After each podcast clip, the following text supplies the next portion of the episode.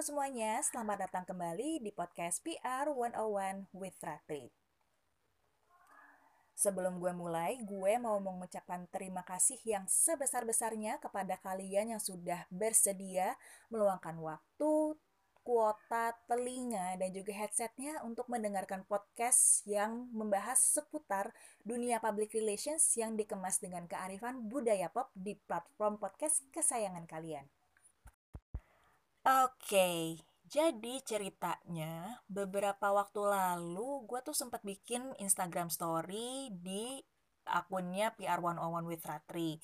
Jadi buat kalian yang belum follow, silahkan banget follow supaya kita bisa mengenal lebih dekat, terus juga lo bisa request topik apa yang sekiranya, atau mungkin um, cerita apa sih dari sudut pandang PR yang sebenarnya bisa di-highlight di podcast ini.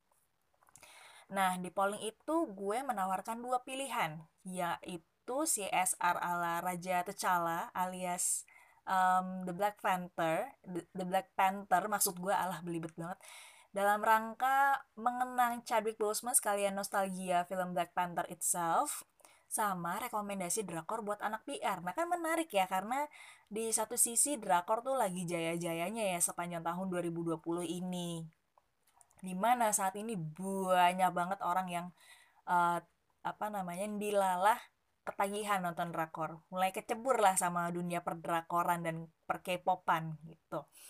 Tapi setelah pollingnya berakhir justru ya mungkin menyesuaikan dengan tren 2020 juga kali ya. Banyak yang lebih banyak yang milih rekomendasi drakor buat anak PR awalnya gue mau bahas ini nih di di episode kali ini akan tetapi karena yang pertama judul drakor yang ngebahas tuntas soal dunia PR itu kalau nggak salah baru satu baru baru My Introverted Boss terus juga sisanya uh, mungkin ada adegan yang PR PR banget cuma uh, ibarat hidangan lengkap khas Korea mungkin si adegan-adegan yang agak PR ini tuh lebih ke makanan pelengkap gitu semacam kayak ada kimchinya kalau kalian suka makan makanan Korea Mungkin untuk lebih detailnya gue sambil riset uh, bisa dibahas juga di episode selanjutnya mungkin ya. Jadi jadi beruntunglah kalian yang uh, dengar episode kali ini karena udah di spoilerin duluan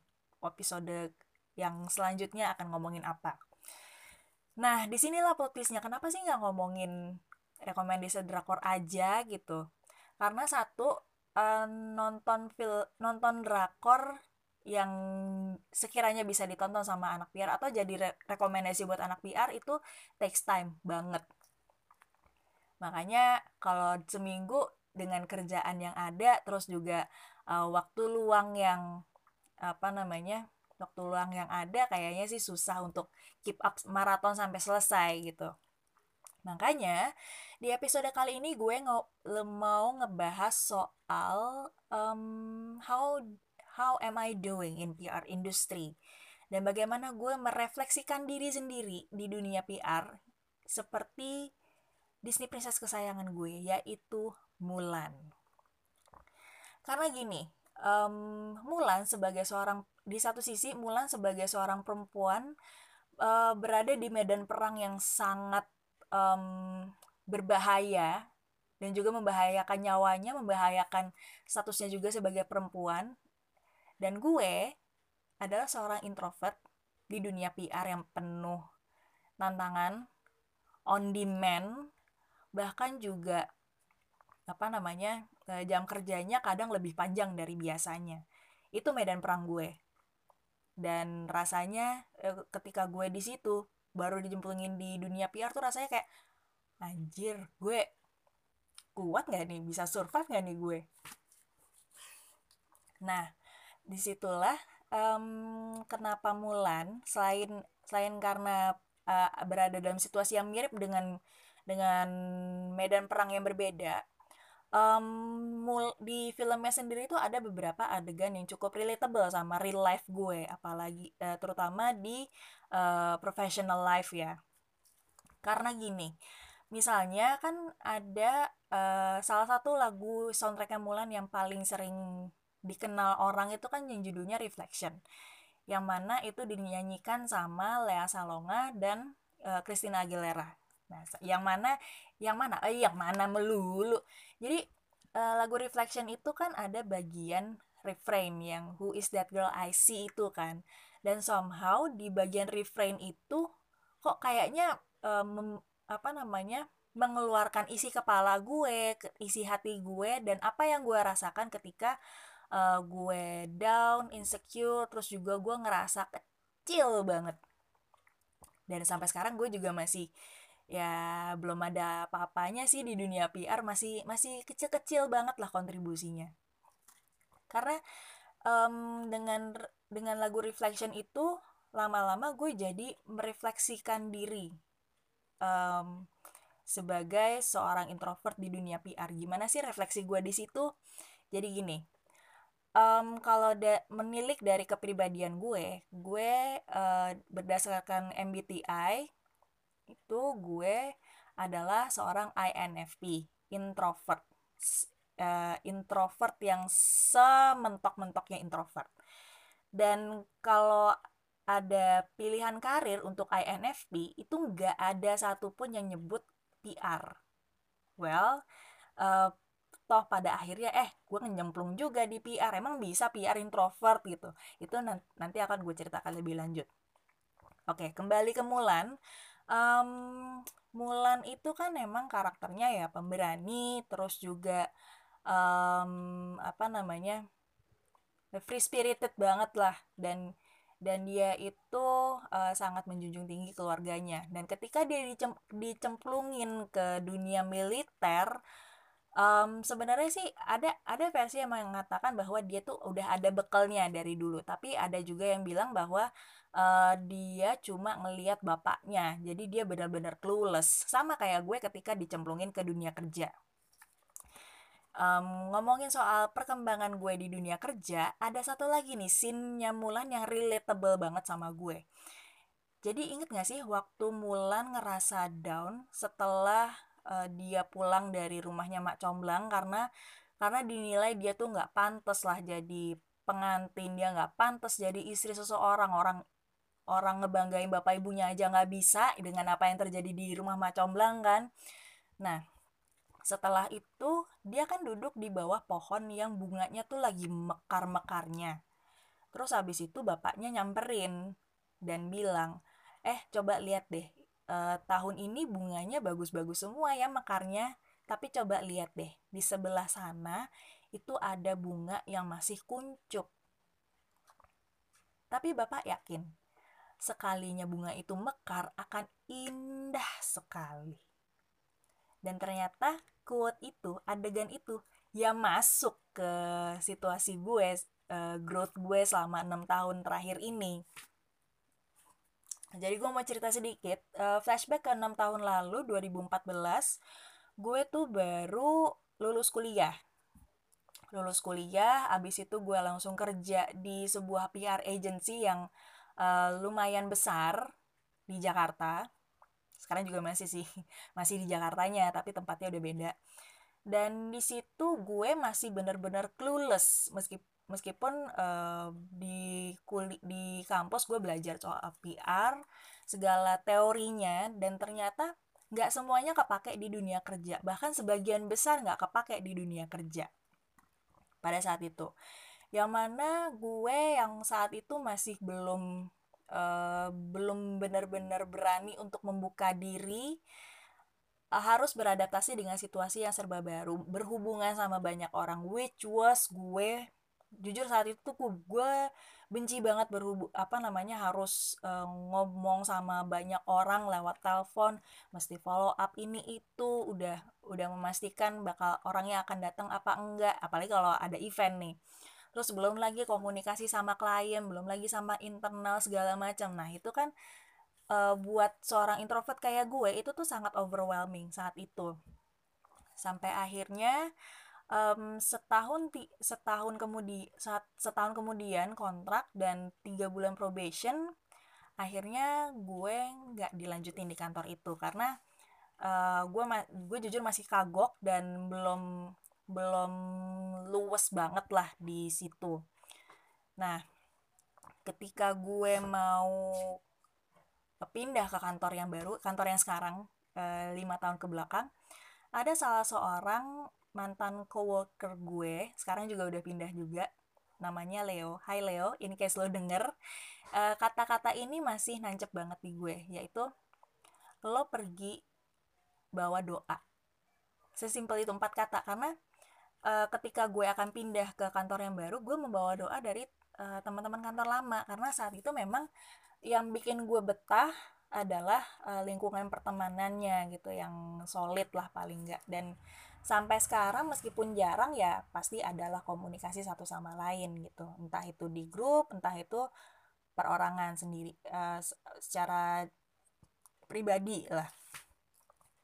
Nah um, ketika gue masuk ke Talklink pun gue waktu itu kan sempat diwawancara. Salah satunya adalah sama Mbak Sinta. Mbak Sinta itu mentor gue dari uh, pertama gue masuk ke Talklink sampai sekarang dari yang timnya cuma ber dari yang timnya berlima berempat bertiga eh akhirnya tinggal berdua cuma gue sama Mbak Sinta sekarang. Nah gue inget banget waktu di interview gue kan ditanyain kekurangan gue apa. Nah gue jawab introvert.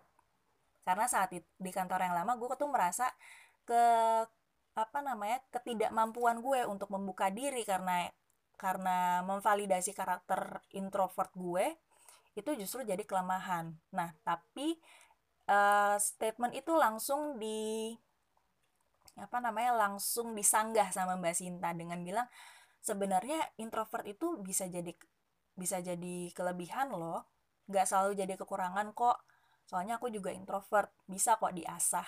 Gitu. Kurang lebih kayak gitulah persisnya. Dan ketika gue dan hal itu sedikit demi sedikit uh, membuka pola pikir gue tentang introversion gue dan uh, profesi PR itu sendiri. Dan ketika gue masuk gue mulai lagi beradaptasi dengan lingkungan baru terus juga uh, menghadapi klien-klien yang kebutuhannya beragam dan gue sebagai sebagai account eksekutif harus mengcater kebutuhan mereka juga. Dan uh, lebih banyak lagi yang yang gue harus pelajari di di dal dalam kurun waktu lima tahun ini. Jadi percaya apa enggak uh, kalau misalkan lo punya temen yang kerjanya di komunikasi kan paling enggak adalah sekali dua kali uh, ikut perjalanan bisnis atau apa gitu kan ja, ikutan jangket. Kalau misalkan ada teman kalian yang kerja di PR terus uh, atau mungkin handling uh, entertainment atau misalkan rumah produksi ini bisa kan untuk ada jangket tuh. Nah gue selama lima tahun ini gak pernah keluar dari Jakarta.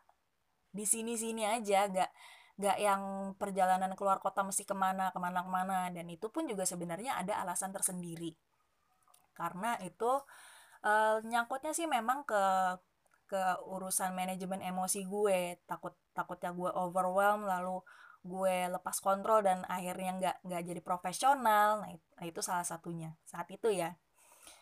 Dan kalau sekarang sih ya memang karena lagi pandemi dan belum ada chance dari klien atau mungkin calon klien yang memungkinkan kita semua untuk berangkat ke luar kota paling enggak Nah, di situlah gue tuh ngerasa kalau ngelihat teman-teman yang lain tuh growth-nya udah wow, udah udah keren banget. Ada yang bikin agensi sendiri, ada yang jabatannya udah tinggi, ada juga yang um, apa namanya kerja di tempat yang cukup bergengsi bahkan di pemerintahan gitu.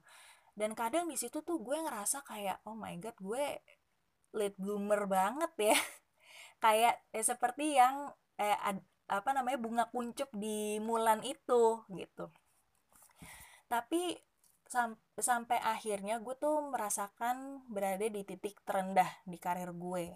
Ya karena itu tadi ya seperti yang ditakutkan uh, emosi yang mengontrol gue bukan gue yang mengontrol emosi. Akan tetapi meskipun progres gue pelan bukan berarti gue nggak berproses. Karena di titik terendah itu menjadi um, apa ya pivot buat gue. Uh, gue nggak tahu bener bener apa nggak bacanya pivot pivotal moment buat gue di mana gue tuh uh, menyadari bahwa gue udah lingkungan kerja gue udah sangat mendukung itu satu. Yang kedua um, apa namanya di sini gue bisa belajar dan gue menyadari potensi gue untuk bertumbuh. That's why di titik itu gue juga menyadari. Kalau misal ibarat nanam tanaman nih kalau kan percuma juga kalau um, media tanamannya udah bener tan pupuknya udah bener cara ngerawatnya udah bener terus juga udah cukup cahaya matahari cuma kan percuma juga kalau uh, gue sebagai tanaman yang nggak tumbuh dan mekar. Dan di situlah gue memutus, memutuskan untuk uh, apa namanya push through diri gue sendiri untuk bertumbuh berkembang dan akhirnya mekar. Gitu. Dan selama berapa tahun ya? Oh kan gue uh, di titik paling rendah karir gue tuh 2018 ya well dua tahun ini gue merasakan diri gue bertumbuh di sini both as a person and as a PR gitu. Makin ke sini gue makin tahu uh, gimana sih caranya menghandle klien yang satu, mesti belajar mempelajari lebih dalam lagi karakter klien seperti apa sih yang sedang gue hadapi dan bagaimana mengcater kebutuhan mereka dengan uh, yang sesuai dengan scope scope of work kita juga.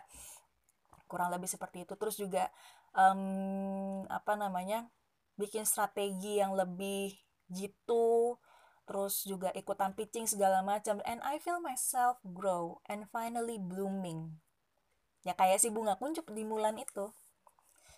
Yang pada akhirnya uh, kembali lagi ke Mulan kan di akhir film sempat ada quote di mana uh, Mulan akhirnya berhasil menyelamatkan Cina di istana kaisar dan si kaisar ini bilang The flower that blooms in adversity is the most rare and beautiful of all. Lalu kembali lagi ke gue dari quote itu. Apakah gue sudah memenuhi quote itu? Maybe. Karena gue masih dalam proses. Meskipun progres gue lambat, bukan berarti gue gak berproses. Ingat itu. Dan setelah menilik-nilik lagi, mulai dari growth gue, terus juga refleksi gue akan si bunga kuncup di Mulan, gue menyadari bahwa ih wow, kadangkala ikatan antara gue dan si Disney Princess kesayangan gue tuh sedalam itu sampai kedaleman malah kan. Ah, jadi ya daripada gue sambatin live actionnya yang gak seberapa itu mending gue jadiin konten podcast aja sekalian curhat sekali sekali sekali ya kan? Karena gimana pun ya meskipun pekerjaan gue adalah public relations all in all gue adalah manusia. Manusia yang um, memang mengkomersilkan celah mengkomersilkan skillnya di bidang komunikasi. Meskipun uh, di dunia yang sangat menantang gue harus terus mengasah kemampuan gue kayak mulan ngasah pedang. Begitu. In anyway, um, segitu dulu curhat dari gue. Semoga bermanfaat. Dan buat kalian yang mau ikutan curhat boleh banget DM ke gue. Atau mungkin juga uh, DM di akunnya PR101 with Ratri. Gitu. Jadi sampai ketemu di episode selanjutnya dan bye-bye.